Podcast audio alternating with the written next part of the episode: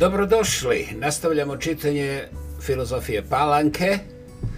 Ovo je 11. poglavlje i finalni treći dio.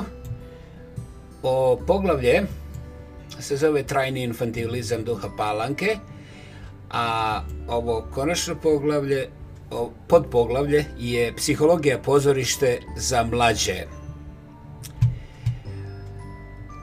Sposobnost osjećanja dobija ponovo najvišu cijenu. Osjećanje je nešto izuzetno i samo po sebi dokaz izuzetnosti. Ono nije dato svakome, niti je u prirodi životnog toka stvari jedan od nužnih načina ispoljavanja svijeta u čovjeku i čovjeka u svijetu. Ono je vrijednost po sebi sve izvan njega, što bi inače samo po sebi imalo da bude cilj i što se takvim proglašava,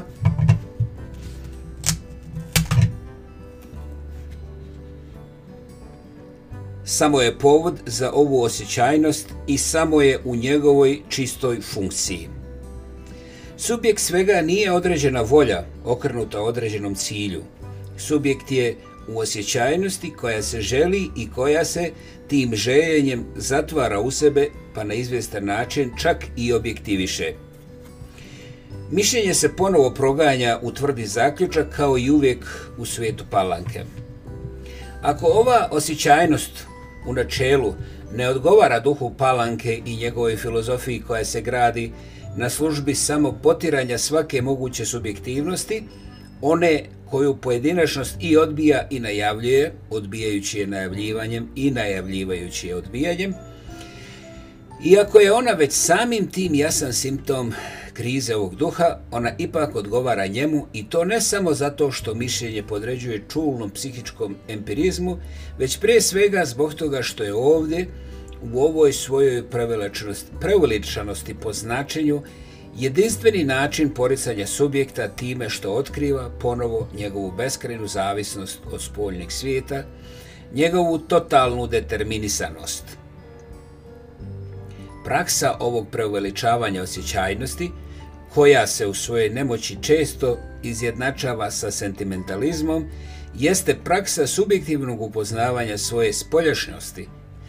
Uzroci ove osjećajnosti uvijek su izvan njega, pa je tako svijest o ovoj osjećajnosti koju ona potencijalno uvijek sadržava i kojoj vodi, svijest o ovim uzrocima ili ponovo, svijest subjekta o sobstvenoj van subjektivnosti, svijest o daljnjem tiranstvu jedne osnovne volje čiji smo mi samo odjek.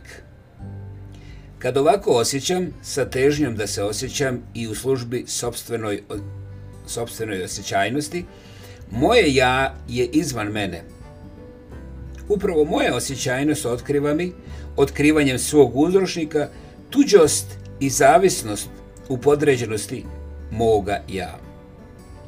Ako ovo otkriće ne vodi neposredno odbijanju osjećajnosti, to je zato što ovdje samom ovom osjećajnošću, koja je i dovela do ponovne svijesti o mojoj sobstvenoj van sebnosti, pa sam objekt svijeta, a ne njegov subjekt, ja kao da pokušavam da dostignem ovu svoju subjektivnost koja je izvan mene, tako što bih uveličavanje mog osjećajnog prostora ostvario taj prostor kao jedan prostor koji je istina s spoljnim uzročnicima, ali koji se osamostalio i postao jedan svijet za sebe, jedan takozvani unutrašnji svijet što živi po svojim sobstvenim zakonima u savršenom previđanju spoljnjeg svijeta.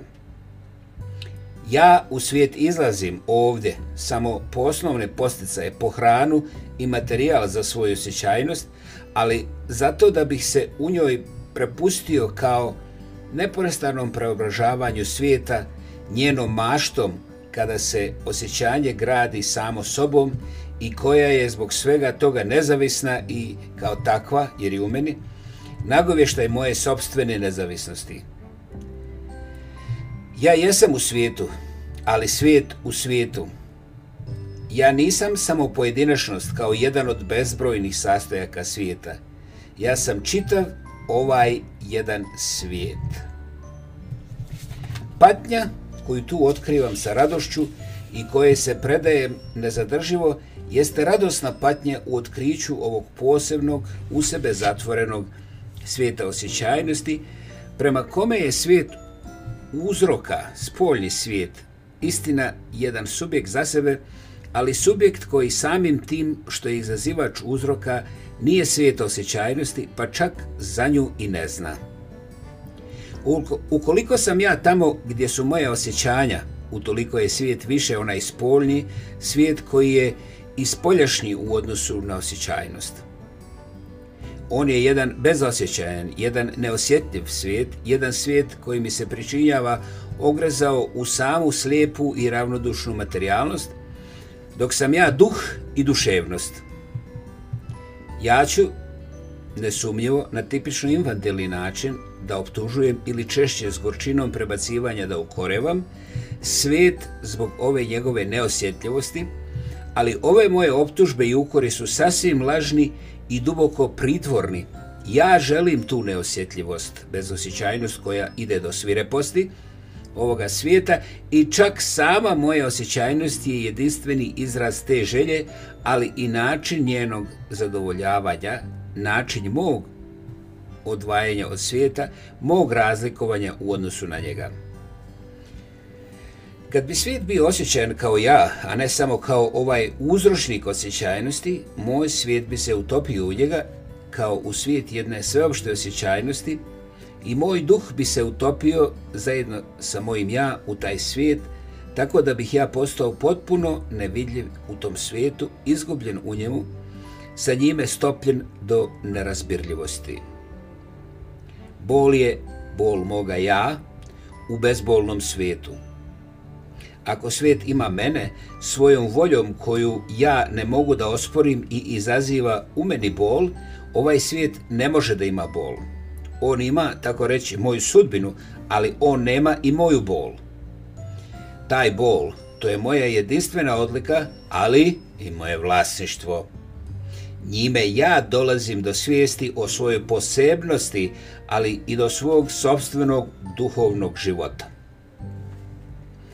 Nema zbog toga za mene ničega što bi moglo da bude nastavljeno ovom bolu koji mi daje ovu moju posebnost što traži onako kako se kako ovdje sebe pojedinačno straži i koji je zbog toga vrhovna istina, pa i materijal za svaki kriterijum životno istinitog. Životno istinito je samo ono što je bolno, što je za bol sposobno.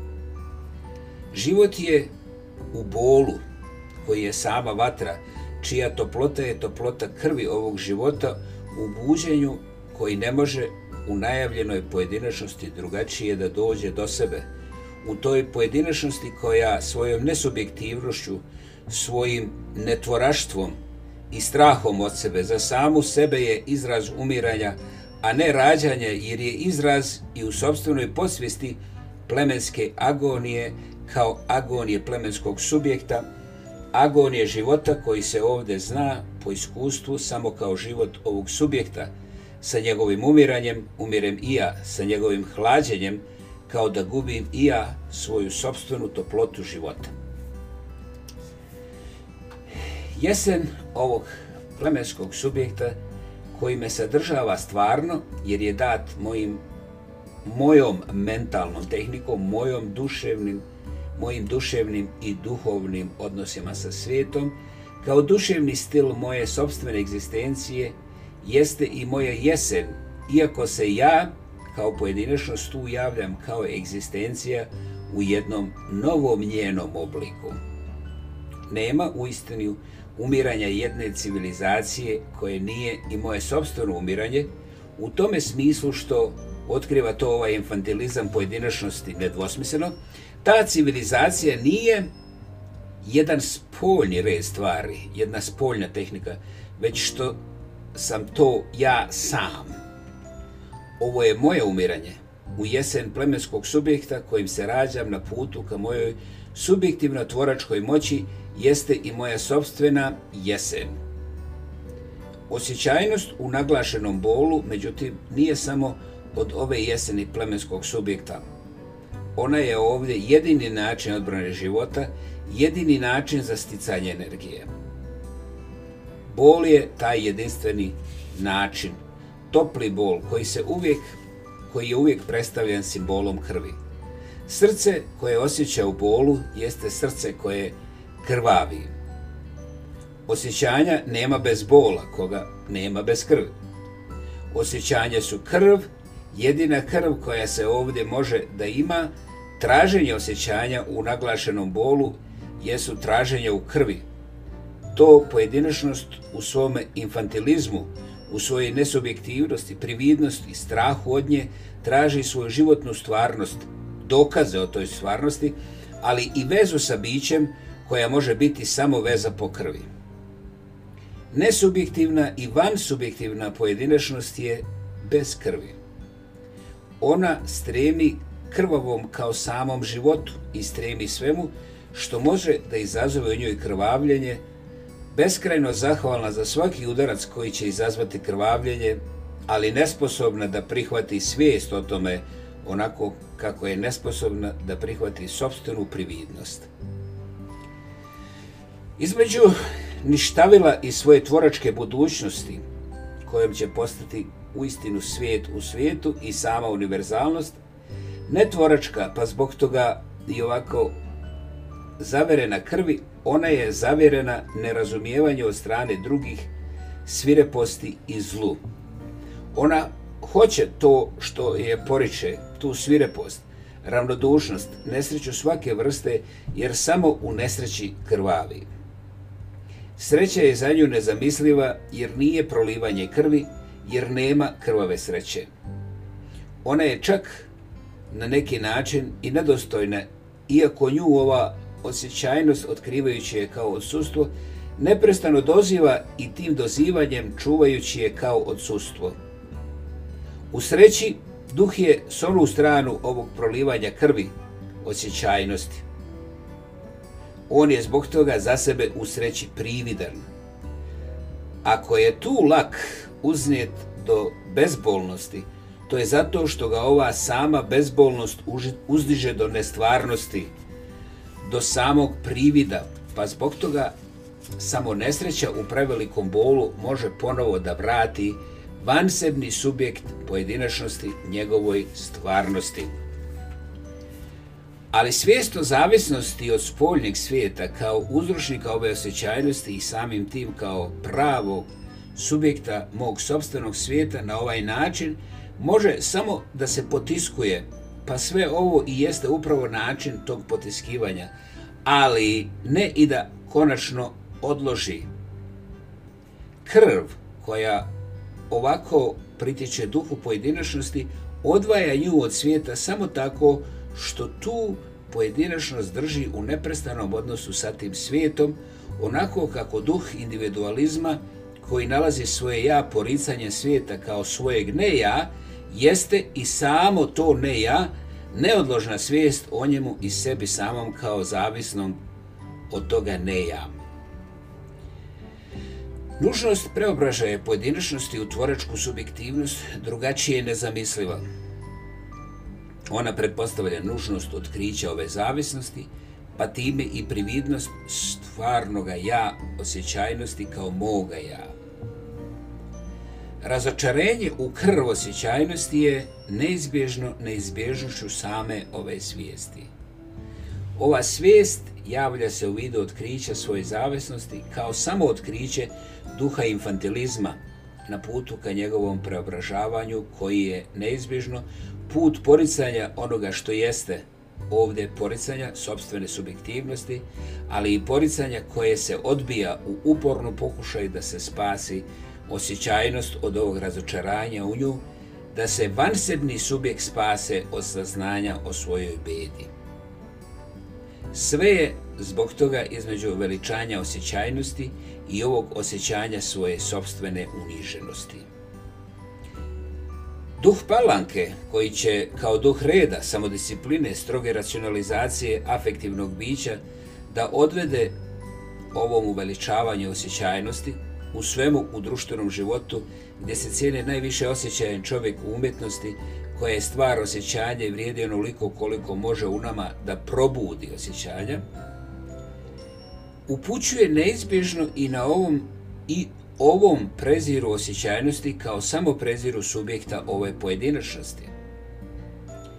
Duh čiftinstva kao duh apsolutne trezvenosti suprostavljene svakoj zabludi i rođene u viziji egzistencije na svakoj njenoj ravni, kao igri prevarenih privida, kada načelo prevare dolazi od ovog otkrića prividnosti, kao otkriće nestvarnog koje se izdaje za stvarno, a što je omogućeno samim individualizmom koji u ovom netvoraštvu nalazi sobstvenu egzistencijalnu nezasnovanost i egzistencijalnu prividnost kao samu prividnost egzistencije u načelu, javlja se ovdje kao duh koji prezirom osjećajnosti nastoji da ovu iluziju o samovlasnom njihovom subjektu odbije, ali ovaj prezir koji on upućuje osjećajnosti, težeći nekakvom potpunom oslobođenju od njih, nije prezir ovog duha čiftinstva kao nekog duha posebi zatvorenog u njegovoj posebnoj stvarnosti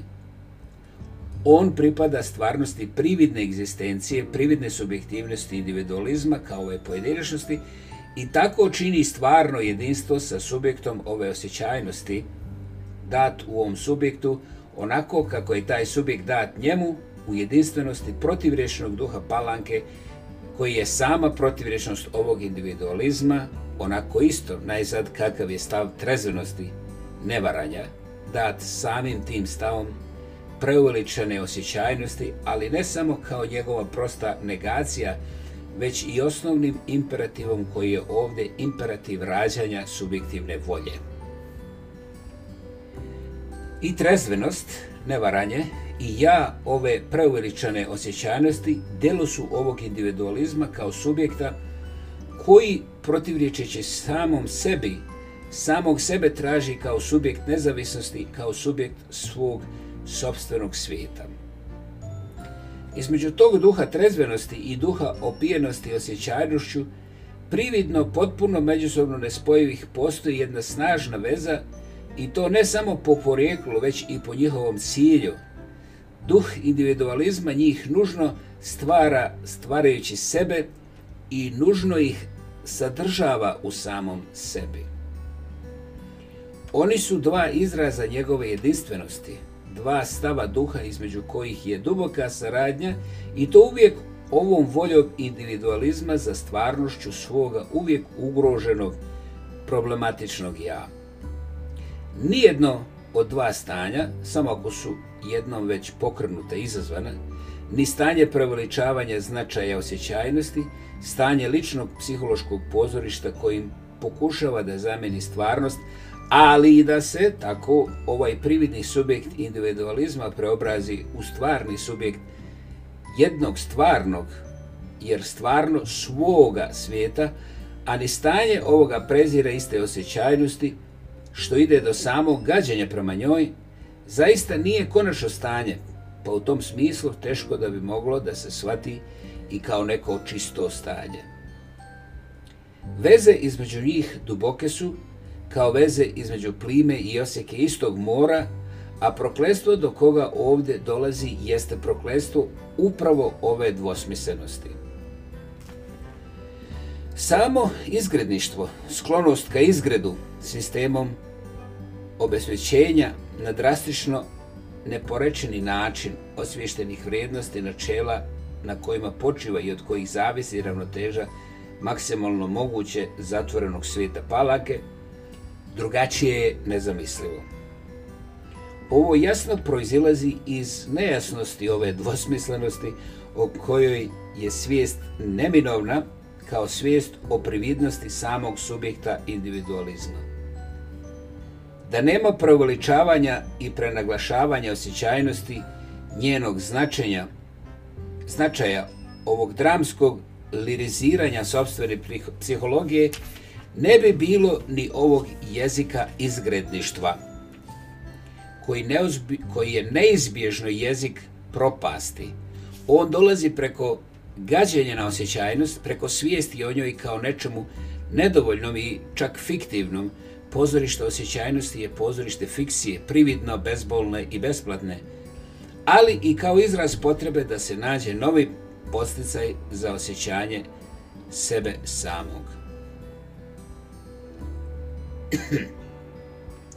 Ovdje svijet izgrednika jasno otkriva prisustvo svijesti o problematičnosti subjekta individualizma kao o problematičnosti njegovog svijeta kao svijeta osjećajnosti, ovog oličenog unutrašnjeg psihološkog pozorišta koje se otkriva ovoj svijesti kao jedna prevara, moment trezvenosti, kao crna privilegija duha obespravljenosti onoga koji je prognan iz svijeta stvarnosti u svijet ove sobstvene osjećajnosti, onoga koji je osiromašen u svijetu i utoliko više osuđen na ovo bogatstvo osjećanja i igru sa njima.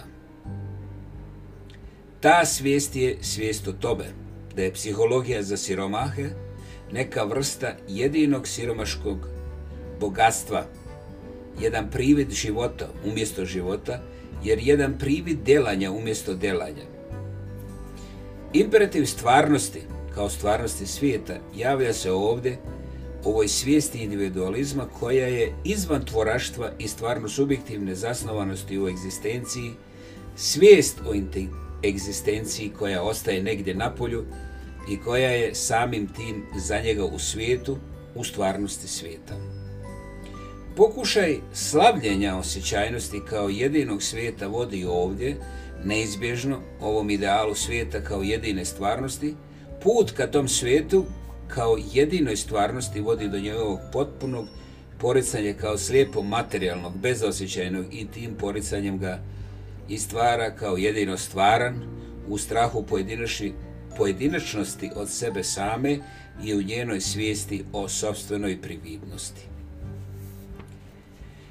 Izgredništvo je zato pokušaj individualizma da izmiri ova dva svijeta, između kojih je njegov sopstveni duh iskopao provaliju. Ono nije odricanje od osjećajnosti, ni prosto okretanje svijetu. Ono je pokušaj da se pozorište osjećajnosti ispolji, da se digne zavesa unutrašnjosti iza koje je ono skriveno, da se ono od fiktivnog pozorišta pretvori u jedno stvarno pozorište.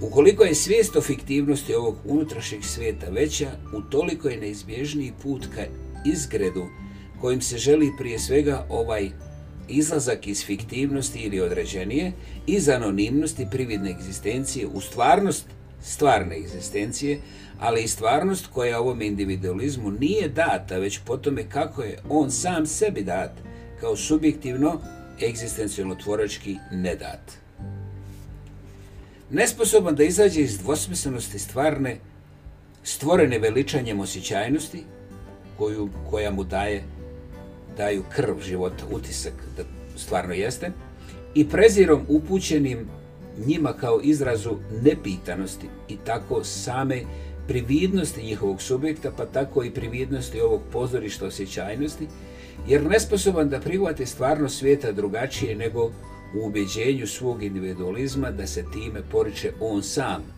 čije ja je negacija ne ja svijeta i moguće samo na taj način, ali nesposoban da se samim tim i odrekne ove stvarnosti izvan koje je čista fikcija ovoga ja koje je sposobno da samo sebi priređuje predstave ovog psihološkog pozorišta gubeći se međutim u njima jer gubeći svijet kao njegovo tvoračko ne ja on pokušava izgredom da pomiri krv osjećajnosti i stvarnost ovoga ja prema stvarnosti svijeta kao svog ne ja. Strah od prividnosti i anonimnosti u njoj ovdje je osnovan.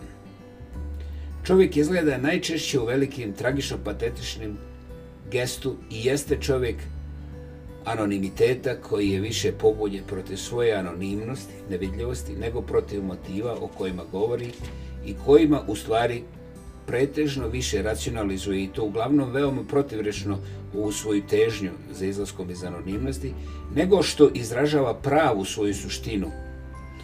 Valjda prije svega zbog toga što on te suštine i ne može i ne smije da bude svjestan. Nestvaran, on hoće da bude stvaran nevidljiv, on hoće da bude viđen. Protivriječan, on je nemoćen da razriješi svoje protivriječe, onako kao što ga stvara samo ono što ga uništava, kao njegovo ja dato isključivo subjektom dneja svijeta, jeste ja sukoba, ali i za sukob ja nasilja. Ako prihvata sebe, on prihvata ovo nasilje. On stremić, on stremi njemu, stremeći svom ja zasnovanom na nasilju i mogućem samo posredstvom nasilja, pa mu stremi i ovdje u ovom pokušaju izlaska iz sobstvene anonimnosti. Nasilje koje se ovdje javlja kao nekakav zloduh, kao udes kome se ne može izbjeći kroz skroz je iracionalno, ono je divlja pobuna bića koja traži nove oblike i nove načine eksistencije. Pobuna je koja je pravi subjekt ovog nasilja izgredništvom, a izražena uvijek u vidu nekog drugog motiva, koji je najčešće motiv društveni, nikad motiv individualne volje. Kompleks stvarnog i ovdje je vrhovni kompleks. Nasilje je u funkciji postvarivanja problematičnog ja, povezivanje njegovog unutrašnjeg psihološkog pozorišta sa stvarnošću svijeta gdje otkaže ovaj kompleks stvarnosti, razvijan u osjećanju nestvarnosti, potpune iluzije o svome važenju i sredstveno tome svom postojanju, otkazuje i nasilje. Nasilje je režijska metoda kojom ovo sirotinski psihološko pozorište pokušava da postane realističko u jednom bukvalnom smislu sve do trenutka u kome se granice između pozorišta, svakog pozorišta i svijeta brišu. Nasilje koje je brutalizam doveden do vrhunca jeste jedini način stvaranja stvarnosti koja, egzistencijalno osutna, neuhvatljiva, pristaje da se odazove samo velikom udarcu i uopšte samo veličini u svemu, u riječi, pokretu, stavu, izazovu. Što je osjećanje stvarnosti manje, to je nužnost nasilja veća. Sa jačanjem ovog osjećanja otpada nužnost nasilja. Ali, očigledno, ovdje nestvarno svijeta nije ništa drugo nego nestvarno subjekta.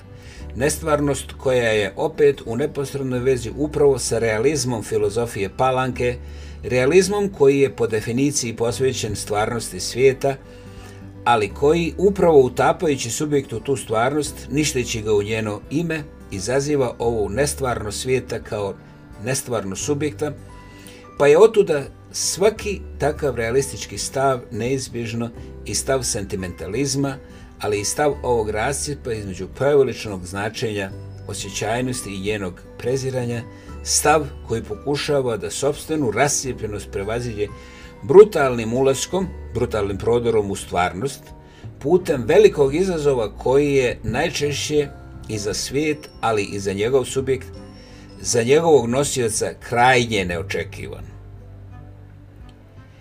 Filozofija palanke, kao filozofija ove zloupotrebe osjećajnosti unutrašnjeg svijeta, svijeta preživljavanja, svijeta duše, koji se čak često ističe kao neki viši svijet, viši i bolji od svakodnevne stvarnosti, Neizbježno je i uvod u ovu filozofiju nasilja koja je filozofija teze da treba ići do kraja po cijenu lične srtve, sobstvene propasti, a uvek sa pozivanjem na neki drugi pa i viši cilj, na neku moralnu vrijednost koja je samim tim i opšta i koja treba racionalno da opravda ovu sasvim iracionalnu egzistencijalnu potrebu za stvarnošću.